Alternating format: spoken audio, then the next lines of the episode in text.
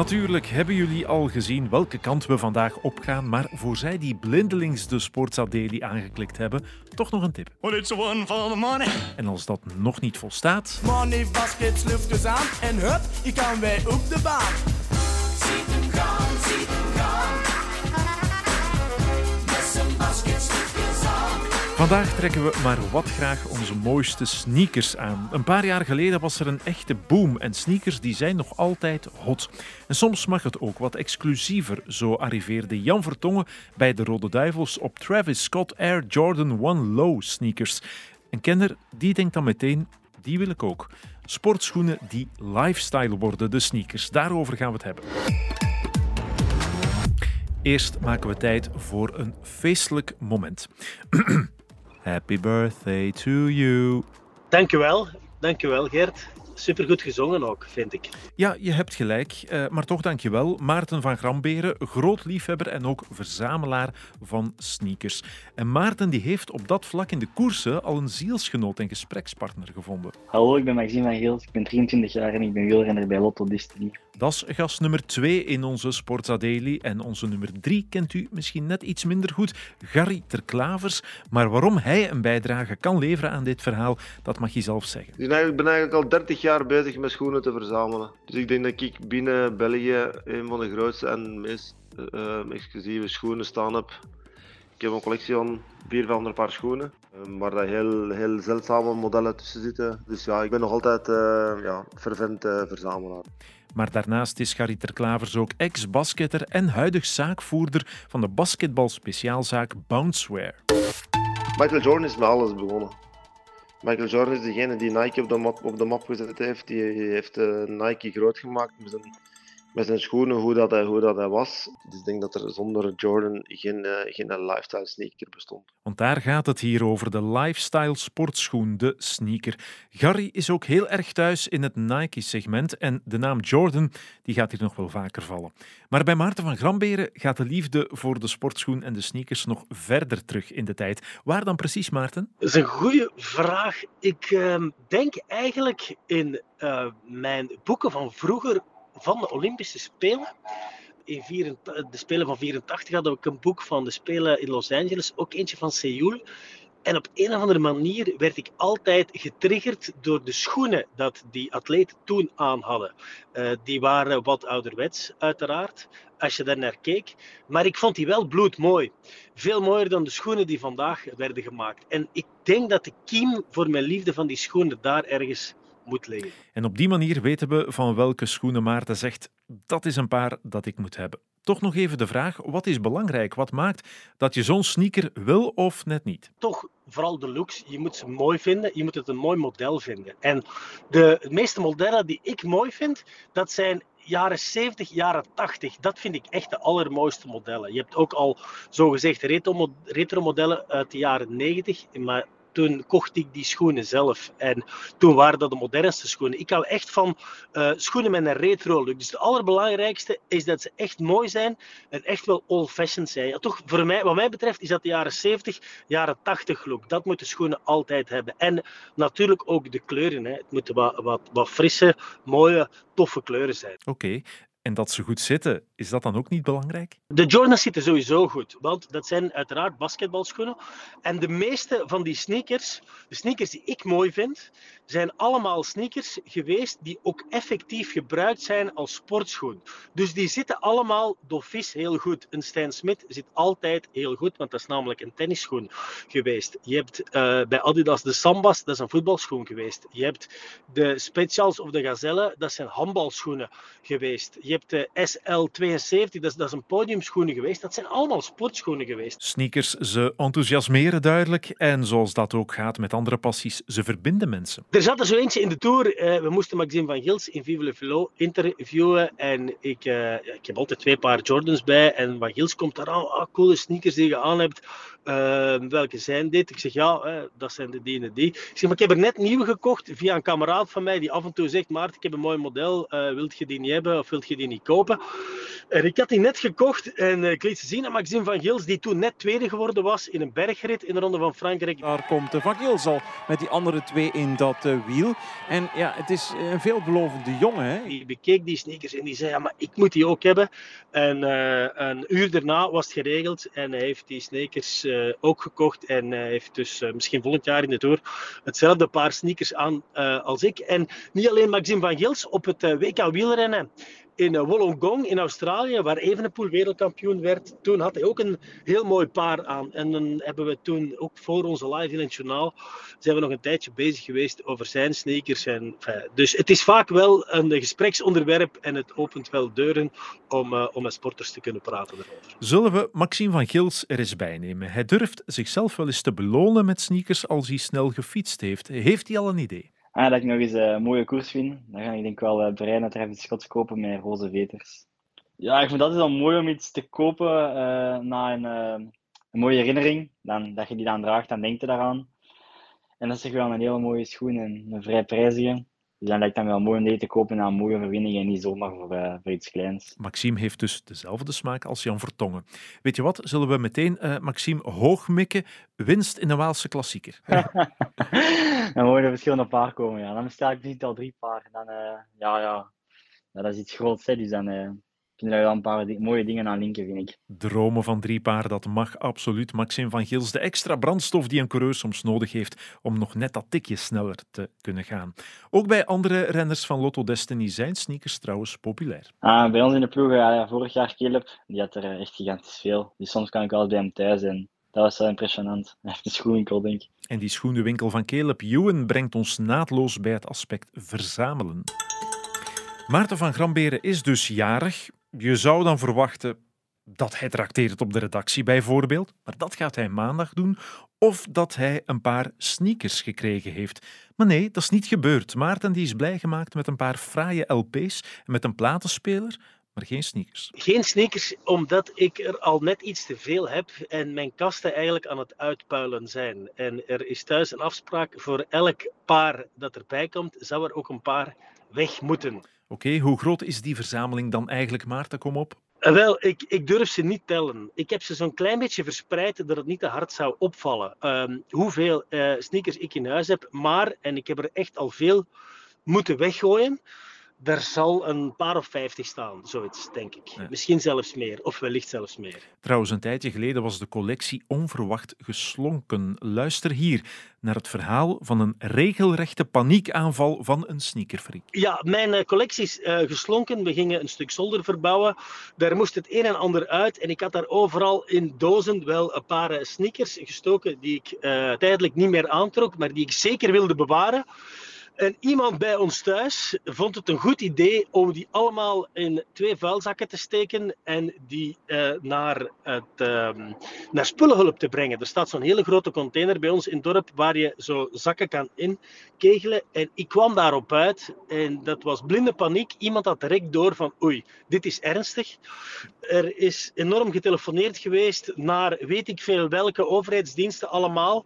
Maar een paar uur later stonden die zakken die we toen gedeponeerd hadden aan spullenhulp, stonden die terug netjes voor de deur. En was ik opnieuw de gelukkigste mens ter wereld. Ik was wel even in paniek, want zo'n sneakers die verliezen hun waarde niet. Integendeel, sommige die gaan echt flink stijgen in waarde. En uh, dus mijn collectie, daar zat toch een sneaker of 25 in, denk ik. 25 paar. Maar ze zijn hersteld en uh, de echtelijke problemen die zijn daarna ook uh, terug verbeterd en die zijn in orde gekomen. Ja, misschien niet voor spullenhulp, maar toch eindgoed, algoed ten huize van Gramberen. En ten huize ter Klavers zal er ook niet meteen cavalier seul gespeeld moeten worden als het gaat over uh, sneakers wegdoen, want Gary is een echte verzamelaar. En hij is trots op de meer exclusieve stukken die hij heeft. Uh, ik weet niet of je de film Back to the Future ooit gezien hebt. Uh, ja, een tijdje geleden al wel. Wait a minute. Wait a minute, Doc.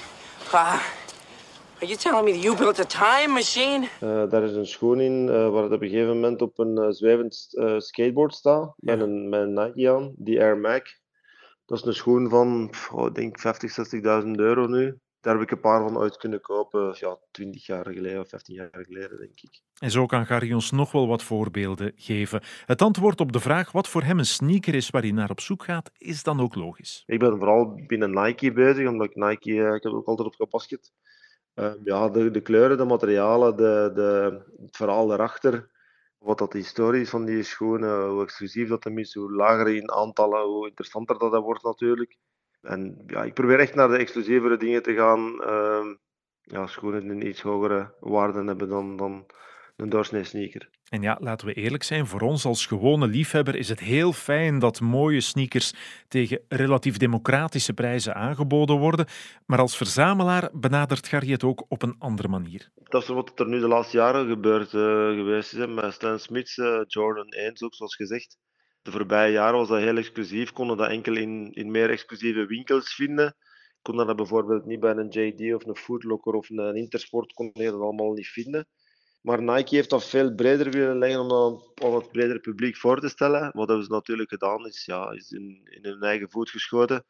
En is natuurlijk de waarde van die, van die schoenen is, uh, is zo zwaar gedaald dat ja, het eigenlijk geen meer om de hoek kunt komen en mensen dragen een Jordan 1, terwijl je vroeger echt specifiek naar bepaalde winkels moest gaan om die te kunnen kopen. Ja, ik wil tussendoor nog wel eens terug naar de Stan Smith van Adidas. Ik zag vandaag op de redactie ook weer een paar rondhuppelen. Maar iemand een idee wie Stan Smith eigenlijk is? This is match point for Stan Smith, Pasadena. Curtis gets it somehow. But Smith is the! Stan Smith from Pasadena won in 1971 de US Open tennis en in datzelfde jaar kwam zijn eigen legendarische Adidas schoen voor het eerst uit. Een groot succes is het, uh, die schoen, maar het merk heeft er nog niet zo lang geleden ook een andere en niet zo fijne sneakerervaring op zitten. Daar zit Kanye West voor iets tussen met zijn Yeezys. Vooral door een aantal racistische en antisemitische uitspraken. Hij kwam ook uh, op de Parijse modeweek aanzetten met die beroemde hoodie met White Lives Matter erop. Ja, dat was allemaal uh, niet naar de zin van Adidas en trouwens ook van een aantal andere modemerken waar hij mee samenwerkt. Zei Stefan van Rompuy van Retail Detail een tijdje geleden. U hebt hier al een paar keer de namen van de grote merken horen vallen. En ook wat Maarten betreft, en Maarten van Gramberen dus, is dat geen toeval. Soms dan moet ik per se Adidassen hebben, lage Adidassen in alle mogelijke kleuren. Die je dan bij alle mogelijke outfits kan aantrekken. En soms, zoals nu, dan overheersen weer Nikes. Het is een beetje een golfbeweging. Ik probeer dan altijd, als iedereen een bepaald soort sneaker draagt, dan probeer ik dan toch een ander merk weer op te zoeken. Dat dan toch iets tussen hele grote aanhalingstekens exclusiever is. Of wat niet iedereen aan heeft, dat, dat de, de, vriendjes van uw kinderen die op bezoek komen dezelfde schoenen aan hebben als jij. Dat is meestal het signaal voor mij om dan toch eens uit te kijken naar een ander merk of een ander model. En dan nog kan je het relatief bescheiden proberen te houden of je bent bereid of hebt de mogelijkheden om wat dieper in de buidel te tasten. Maxime heeft geen grote collectie, maar hij kiest heel bewust. Voor een normale sneaker, uh, ik weet niet, ja, uh, 700 euro, 600 euro. Maar dan voor een Travis Scott, ja, 1006, 1005. We onthouden dat Maxime gek is op sneakers, maar dat ook de prijzen hoog kunnen oplopen en misschien wel surreëel kunnen klinken voor een paar sneakers dan in de oren van veel mensen. En het is intussen al een paar keer over Travis Scott gegaan. Ja, zullen we die dan ook maar eens laten horen? I get those goosebumps every time. I need the Heimlich. Throw that to the side. I get those goosebumps every time, yeah. Nu zijn ze meer met de vier bezig, maar bijvoorbeeld op Jordan 1 heb je nog altijd de samenwerkingen met uh, de collaboraties met bijvoorbeeld de Travis Scott. Ja. Dat zijn Jordan 1 die zeer moeilijk te verkrijgen zijn. Dat zijn altijd dingen die mij aanspreken. Maar het probleem is, als je het wilt kopen op de resellmarkt, betaal je al gauw bijna 1000 euro voor een paar schoenen. Dus um, ook Garieter Klavers moet dus zijn doelen uitkiezen. We sluiten aan met Maarten over de dure sneakers als statussymbool en of investering ook. En als iemand die dat aan heeft, heeft iedereen dat wel gezien. Wauw, dat zijn die sneakers waarvan iedereen weet, die kosten heel veel geld en die hebben heel veel geld gekost. Ik weet dat uh, Jan Vertongen bijvoorbeeld, die zag ik nu op de training verschijnen en die had zo'n paar aan, die, die zeker niet zomaar eh, op de kop te tikken zijn. En dat heeft iedereen dan wel gezien. Kijk, als er, als er nieuwe modellen en nieuwe Jordans uh, op de markt komen in exclusieve kleuren, in hele mooie, zeldzame kleuren, daar zitten robots op die die direct in grote getalen opkopen. Je kan die eigenlijk bijna niet zomaar kopen als Nike die in beperkte schaal op de markt brengt.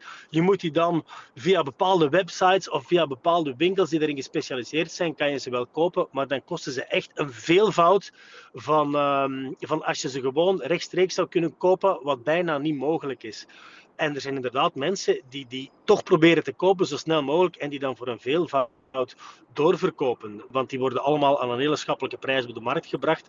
Maar uh, als er schaarste is de wet van vraag en aanbod, dan worden ze peperduur. Er zijn echt mensen die die helemaal niet kopen omdat ze ze mooi vinden. Of ook om niet te dragen. Mensen die die wel kopen, maar ergens zetten, maar nooit dragen. Die van mij zijn allemaal afgedragen. Maar tegenwoordig kan je die ook aan een zeer schappelijke prijs helemaal laten herstellen. Zodat ze er terug helemaal zoals nieuw uitzien. En zo zijn we er bijna. Maar hadden we bij het begin van het verhaal niet gezegd dat we één naam uit het antwoord van Maarten van daarnet nog eens moesten bespreken. Michael Jordan and the Bulls changed the culture. The Last Dance, Michael Jordan. Na de serie werd de Jordan 1 weer heel populair. Ja, dat is toch, toch twee, drie jaar geweest. Hè. Na, na het uitkomen van... Uh, dat was daarvoor ook al. Hè. Bij de sneakerheads was de Jordan 1 altijd wel een schoen die, die uh, zeer gewild was. En dan is de Last Dance uh, uitgekomen dat is ten goede en, en, en ten slechte geweest van Nike. Want Jan Modaal wou je ook ineens ook een Jordan 1. Maar daarover had Gary het al. Voor de zekerheid toch nog eens vragen naar de liefde voor de Jordans. Eerst Maxime van Gils. Dan die ene die blauwe Jordans dat ik heb. Die zijn dan voor de eerste veld dat ik heb uitgereden heb die gekocht. Dus dat dan elke keer dat ik zie, denk ik van ah, de eerste keer dat ik een veld heb uitgereden heb ik die gekocht. En wat zou de favoriete schoen zijn van Maarten van Gramberen? Dat zijn dan toch wel de Air Jordan Ones. Ik denk dat de Jordan-reeks, die begonnen is in 1985, dat die intussen aan model nummer 37 zitten. En eigenlijk vind ik van al die Jordans maar één paar echt mooi. En dat is de Air Jordan 1. De, eh, degene die Jordan zelf dan voor de allereerste keer droeg in 1985. En dat vind ik echt veruit, veruit de mooiste die er ooit is uh, geweest. Trouwens, Jordan zelf mocht die schoenen niet dragen in uh, 1985, want 51% van de schoenen moesten wit zijn. 51% van het oppervlak van de schoenen moest volgens de toenmalige NBA-regels moest wit zijn. En dat was niet het geval. En ik kreeg per keer dat hij daarmee speelde een boete van 5000 dollar. Maar dat werd natuurlijk met plezier betaald door uh, Nike, die daar dan ook nog eens een uh, campagne aan vastkoppelde. En dus werd dat, uh, werd dat zo nog groter gemaakt en hebben ze dat zo positief kunnen omdraaien. Maar hij mocht er eigenlijk niet mee spelen. Verliefd op die ene Jordan uit 1985, want het is dus bij Maarten wel een eenmalige liefde. Gary Klavers heeft er thuis ook een paar staan van die Jordan Ones. Een. Weet voor mij, ik draag dat gewoon heel graag, omdat dat voor mij de ideale schoen is. Je kunt dat dragen onder een short, je kunt dat dragen onder een jeans. Die blijven, die blijven altijd zeer klassiek. Dus je kunt daar ook, ja, ik, ik, werk altijd in wat meer sportievere kledij. Want ik moet geen kostuum dragen om te werken binnen, binnen Baansweer. Uh, dan is voor mij mijn, mijn, mijn schoen die ik het meest aandoen, is een Jordan 1 uh, in het laag, oftewel een Air Max 1. De Jordan 1 heb ik dan ook wel staan in, in ja, 250 of 200 paar. Dus daar kunnen we wel een keer uit kiezen. En zo kunnen de vrouwen des huizes de mannen ook een keer van antwoord dienen hè, als het over de schoenenkast gaat. Dat was opnieuw een genoegen. Geniet van de sport tot een volgende keer.